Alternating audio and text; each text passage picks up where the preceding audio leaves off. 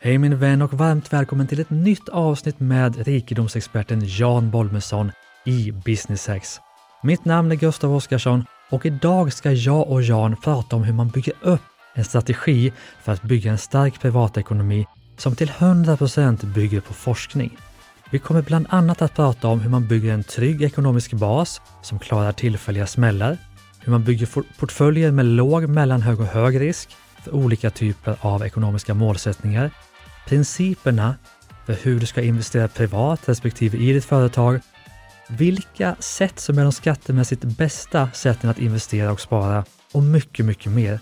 Så håll i hatten nu min vän, för här får du en extremt tydlig strategi för hur du maximerar avkastning på dina pengar utan att få för hög risk. Varmt välkommen till Business Hacks!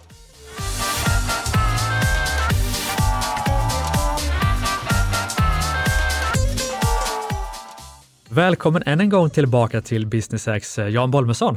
Tack så mycket, tack för att jag får vara med.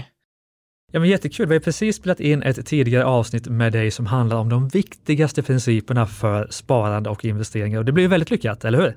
Ja, det, det, det, är ju verkligen upp till lyssnarna, tänker jag. Ja, det är sant. Det kan ju inte vi bedöma. Det har du verkligen en poäng i. Men jag var väldigt nöjd i alla fall. Så för dig som lyssnat på det här avsnittet, har du inte lyssnat på det tidigare avsnittet med Jan om de viktigaste principerna för sparande, så hoppa tillbaka och gör det. Men jag tänkte, där pratar vi mycket om fondrobotar och att göra det enkelt och automatiserat att spara och eh, tjäna pengar på kapital. Yes. Men det är ju också som så att många som lyssnar är ju nyfikna på att göra det lite mer själv, lära sig från grunden och verkligen ta fram en egen strategi för hur man sparar i, i fonder och aktier bland annat. Och sedan många år tillbaka så har ju du på din blogg, sajt, Växa, tillsammans, eller Växa tillsammans säger det helt fel. Den heter Rika tillsammans. Växa tillsammans var ett annat initiativ vi hade. Rika tillsammans heter den. Eh, där har ju du byggt upp, eh, jag tror det är fyra stycken olika fondportföljer, visst är det så? Ja, ja precis. Det, det stämmer så. Och vi har fått lite frågor om dem, så jag tänkte att det kunde vara kul att göra ett avsnitt där du berättar hur du har tänkt ja. för att bygga upp de här. Det finns ju högrisk och det finns lågrisk eh, ja. och sådär. Va? Och jag är nyfiken på, hur har du tänkt och hur är de här uppbyggda, de här fondportföljerna? Ja, Nej men det där är ju roligt och du hade ju en sån här fråga i mellanpausen här, så ja, men du vet i förra ja. avsnittet så sa du så här, ja men du investerar ju i fondrobotar, hur kommer liksom modellportföljerna in i, i bilden? Ja. Uh, och, och, då är det faktiskt så här, det, det enkla svaret är att jag började med de här portföljerna ja, drygt för tio år sedan. Eh, mm. och då fanns det inte fondrobotar. Eh, och eh, då ville jag liksom ha något sätt att spara just så som vi pratade i linje med forskningen. Och forskningen är ju väldigt tydlig så här, äg alla företag i hela världen och äg mm. dem så billigt som möjligt, äg dem så lång tid som möjligt och pilla inte liksom på dem. Men då fanns det liksom inte något sådant alternativ. Så då försökte jag sätta ihop eh, liksom då tre stycken portföljer som var just då låg, mellan och eh, hög risk. För att jag har något som kallas så här liksom fyra hinkars-principen. Eh, och den här fy ja, fyra hinkars-principen är liksom att jag såg att när jag pratade med människor så hade det vanligaste misstaget är att människor hade fel risk i sitt sparande. Antingen så var man lite som min mamma, som typ hade allt på bankkontot för att aktier var läskigt, så man hade alldeles mm. för låg risk, att man var alldeles för lite exponerad mot, eh, mot börsen och i olika typer av investeringar, för man, var, man är rädd att förlora liksom de här pengarna som man har verkligen ansträngt sig och jobbat ihop. Och sen så var det liksom helt motsatta sidan, de som hade typ allt i bitcoin eller allt i Tesla eller liksom allt i, i liksom den här högrisk eh, typ eh, av investeringar. Och problemet när man har eh, liksom de här två extremerna, att man har fel risk, är att man riskerar att pengarna inte kommer att räcka till.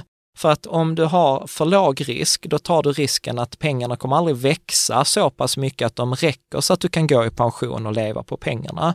Har du hög risk, ja, det kan gå jättehögt upp, men sen kan det också liksom upp som en sol, ner som en pannkaka och du kan förlora alla, liksom majoriteten av pengar vid ett slag. Det hände mig 2000, IT-bubblan hände mig 2008. Eh, liksom också. Och då, har, då står du där också att pengarna inte räcker till. Och då började jag titta på, okay, så vad finns det liksom för forskning? Vad finns det för metoder att försöka hitta en rätt balans så att jag får liksom rätt risk i mitt sparande. Och, och då, då var det liksom det första som jag liksom då konstaterade att men okay, jag behöver en buffert, jag behöver något som är låg risk, som gör att jag kan sova gott om natten, som gör att jag kan vara rationell, att jag inte känner mig pressad, att jag inte behöver ta dumma ekonomiska beslut. Och då, då är det liksom ofta en, eh, liksom då, för ett par år sedan, så var det liksom det som jag kallar för den försiktiga portföljen eller lågriskportföljen. Problemet idag 2021 så är ju räntorna så pass låga att det är knappt lönt att ha räntefonder. Så jag brukar säga så här, i lågriskdelen av en sparande idag, det bästa du kan göra det är ju typ ett bankkonto med insättningsgaranti. Alltså så här att mm. låsa pengarna på 12 månader och få 1 eller 1,1 procent. Så då, då, tar man mm. ingen risk. Och det där är super... hur mycket ska man ha på ett sånt konto? Liksom? Är det typ Ja, men ska man klara sig närmaste halvåret eller hur ska man tänka? Jag, jag, tror att det där beror väldigt mycket på vilken livssituation man är i. Alltså det är exempel mm. stor skillnad på exempel mig och Caroline som har två barn ganska nyinflyttade i ett hus. Eh, mm. Och någon som är student eh, till exempel som inte mm. har någon annan att tänka på än sig själv och bor i en studentlägenhet. Eller mm. om man till exempel är programmerare och bor i Stockholm där, där jag har hört att programmerare får jobb från en dag till en annan. Eller om man är liksom mm. 60 och eh, liksom inte vet och liksom, alltså man jobbar på ett bruk som läggs ner. Så att där, där är det lite, lite olika, men man brukar väl landa, brukar jag väl liksom tänka kanske en till tre månads utgifter eh, någonstans mm. eh, där. Sen finns det lite mer avancerade sätt för den som tycker att det är kul att räkna. Då kan man säga så också så här, 12 månaders utgifter minus alla dina inkomster under de 12 månaderna. Och då kan man mm. räkna så här att okej, okay, jag vet att på 12 månader så spenderar jag så här mycket pengar, men jag vet att jag har tre månaders uppsägningstid, ja men då drar jag ifrån tre månader. Sen vet jag att jag mm. har inkomstförsäkring i sex månader, drar ifrån sex månader till och då har jag kvar tre mm. månaders utgifter som jag måste täcka. Så att det är ett annat sätt att angripa det. Så att det där Men att är... ha så mycket pengar supersäkert på banken eller vad det nu Absolut. kan vara. Så att man åtminstone klarar sig ett kvartal vad som än händer. Det, ja, på utgift, precis. Och, och, och, då ja. pratar vi inte så att på det kvartalet ska du åka på semester och du Nej, behöver köpa en ny bil, utan de mest nödvändiga utgifter, alltså typ så här hyra, mat, försäkring, mat till husdjuren, alltså Typ mm. den typen av utgifter. Så att, precis, så att det, det är liksom den här lågriskgrejen. Sen mm. kommer vi då till mellanrisk och högrisk och eh, då hade jag ju liksom de här modellportföljerna. Men idag eh, så var det så himla roligt för när eh, de här fondrobotarna som vi pratade om i förra avsnittet, när de lanserades 2018, då insåg jag mm. att mina modellportföljer är till över 90 procent lika de här fondrobotarna. Eh, mm. och, och, det var en ganska, liksom egentligen inte en oväntad slutsats eftersom fondrobotarna går på det forskningen säger, jag går på det som forskningen säger och forskningen har en mm. ganska tydlig konsensus. Så att egentligen de här magiska portföljerna jag har på bloggen, det är egentligen inget mer än globala indexfonder.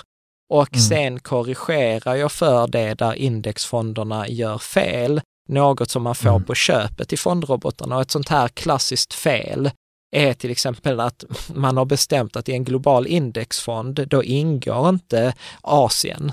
Alltså där ingår inte Kina, där ingår inte Sydkorea, Taiwan. Vilket mm. känns ju jättekonstigt 2021, alltså med en av världens största ekonomier och säga så här, nej men jag har en global indexfond men den investerar inte i Kina.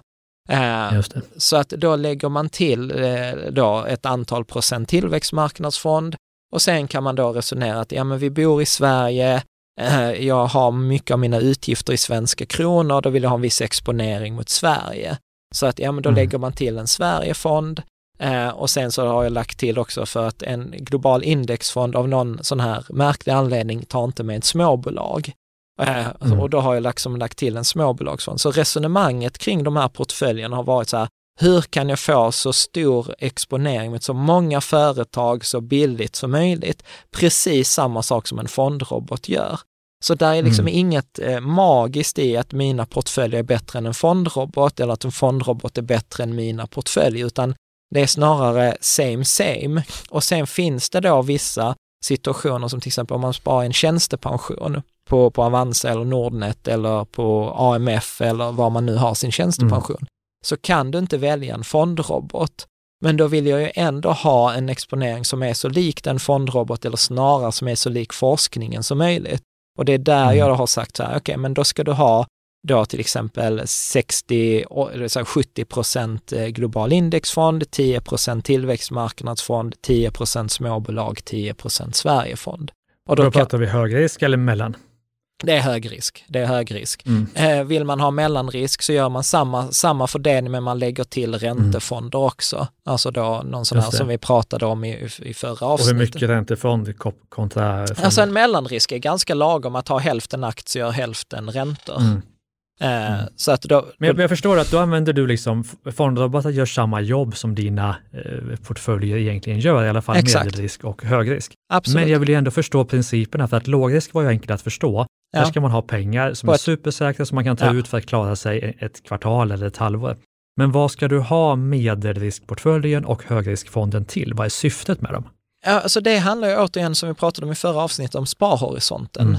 Så mm. det handlar ju om hur lång sparhorisont eh, jag har på mitt sparande och, då brukar jag säga så här, eh, högrisk det är allt sparande som är, säg över åtta år i sparhorisont, mm. så att vi pratar aktier som är 80, 90, 100 procent. Och här, mellanrisk är ett mellan tre och sju år och lågrisk är 0 till 3 år eller 0 till 2 mm. år. Så att eh, mm. för att göra det enkelt, alltså om vi ska göra det väldigt förenklat, så 0 till 3 år, då är det bara 100 sparkonto. Eh, från 3 till 7 år, ja då kan du ha 50% aktier, 50% räntor. Och allt som mm. är över 8 år, ja men då kan vi börja sikta på 80, 90, 100% aktier. Eh, mm. Så att eh, där, och, kan, och jag brukar säga så här, kan du välja en fondrobot, välj en fondrobot. För att då mm. slipper mm. du alla det här att du ska liksom eh, försöka pussla ihop de här fonderna och välja ut dem och sätta upp månadssparande etc. Allt det får du på köpet i en fondrobot. Eh, Medan det finns då situationer då det inte går, till exempel i ett tjänstepensionssparande. Och då får man mm. liksom mm. göra liksom en egen kombination och då är det oftast, de flesta pensionsbolag har en global fond, har en tillväxtmarknadsfond, har en småbolagsfond och har en Sverigefond. Och det är de mm. fem ingredienserna som du behöver. Med de fem ingredienserna så kan du få ihop ett jättebra sparande. Liksom. Och, mm. och det som vi också pratade om i förra avsnittet, att ha en så låg avgift på dessa som möjligt. Just det, just det. Nackdelen med dig Jan är att du gör det så enkelt så att avsnitten blir lite för korta, i mitt tycke. Så att, men låt oss istället tänka så här, vi har ju dina principer, eh, ja. eh, låg risk, mellanrisk och hög risk och man kan lika gärna då använda eh, fondrobotar för att ja. lösa dem så att säga. Ja. Eh, men principen är ju ändå detsamma. Ja. Men en ändå viktig fråga, vi snuddade vid den i det tidigare avsnittet, det vill säga att man kan investera pengar både via företaget, kanske ofta i en kapitalförsäkring, eller privat, eh, ofta då i en ISK. Ja. Men om man då har pengar, eh, du har pengar säger vi i bolaget, är det bättre att ta ut dem och investera dem privat eller att behålla dem i någon form av företagarform och investera dem där? Alltså min, min generella rekommendation till företagare, nu fattar jag att detta inte gäller alla och alla har olika situation, men jag brukar säga så här, det som är ekonomiskt optimalt, är att nummer ett, eh, försöka ligga så nära 46 000 kronor i månaden som möjligt i lön, eh, i bruttolön. Ja, för att slippa statlig skatt. För att slippa statlig skatt, men framförallt för att maximera avsättning till pension och välfärdssystemet, mm. SGI, vi, vi pratade om att du hade också blivit eh, liksom pappa här nu och sånt. Och, och, då räknas ju det på liksom föräldrapenning, om man blir sjuk, mm. om pension etc. Och många mm. tänker inte på att faktiskt det är nästan 20 procent, det är 18,5 procent av arbetsgivaravgifterna är ju faktiskt ett sparande till din pension. Mm. Så att det, det där är väldigt, väldigt viktigt. Så att det brukar jag säga är nummer ett. Nummer mm. två, eh, extra viktigt för företag, för det tenderar vi glömma, mellan 5 och 10 procent, gärna 10 procent till din tjänstepension därefter. Mm. Eh, därefter max utdelning. Är det, tjänstepension, låt oss bara stanna där. Ja. Är det liksom, är det bestämt, är du helt bestämd på att tjänstepension alltid är ett bra val? Gustav här, VD på Driva Eget som ligger bakom podden. Jag är så otroligt glad att kunna presentera Almi som sponsor för det här avsnittet. Jag har själv använt Almi som partner i många av mina företag och nästan alla företag som jag har investerat i, som vill växa snabbare, smartare och mer hållbart, har använt Almi på något sätt i företagarresan. Så vad är då Almi? Jag skulle vilja sammanfatta det så här. Ingenting kan växa utan näring och kapital är företagets näring. Och när du utvecklar ditt nya eller befintliga företag kan det behövas ett tillskott för att finansiera företagets utveckling och tillväxt. Då finns Almi där med näring genom att erbjuda finansiering i form av lån, riskkapital och affärsutveckling till oss som driver små och medelstora företag. Dessutom får vi hjälp att påbörja och accelerera vårt hållbarhetsarbete, vilket känns helt avgörande 2023. Du hajar, Almi är en av företagets viktigaste partners på resan mot framgång och hållbar omställning. Så spana in almi.se direkt så får du veta mer och ett stort tack till Almi för allt ni gör och för att ni är med oss i podden.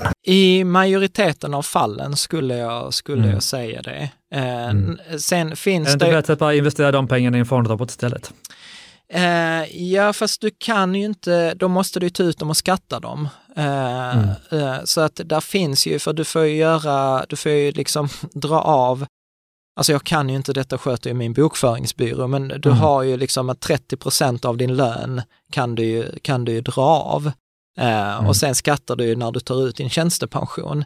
Så att jag mm. brukar ofta inte få så mycket invändning mot tjänstepensionen, utan då brukar folk ibland säga, men ska man ha direkt pension eller etc.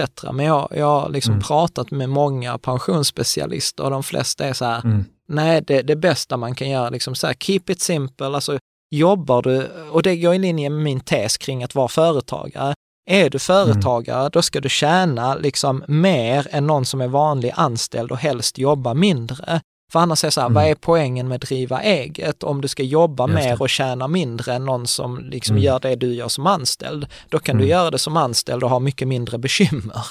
Liksom. Mm. Och, och, är du anställd, ja då har du ofta ett kollektivavtal på 4,5 procent avsättning till tjänstepension. Och, och, som företagare tar du en högre risk. Det motiverar gärna det där 10-procentiga sparandet. Så att jag tycker mm. ju 10 i avsättning till eh, tjänstepensionen är, eh, är ett eh, liksom, generellt råd. Passar inte alla, men passar de flesta. Mm. Okay.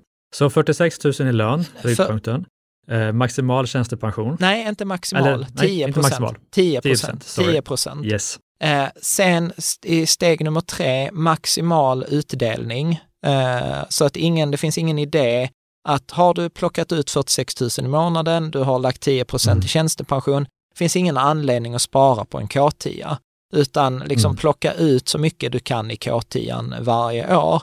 För att jag har mm. räknat mm. på det där, att liksom låta pengarna vara i bolaget och sen ta ut det via utdelning, eller att ta ut pengarna via K10 och investera privat. Det, det blir alltså i princip på kronan samma sak.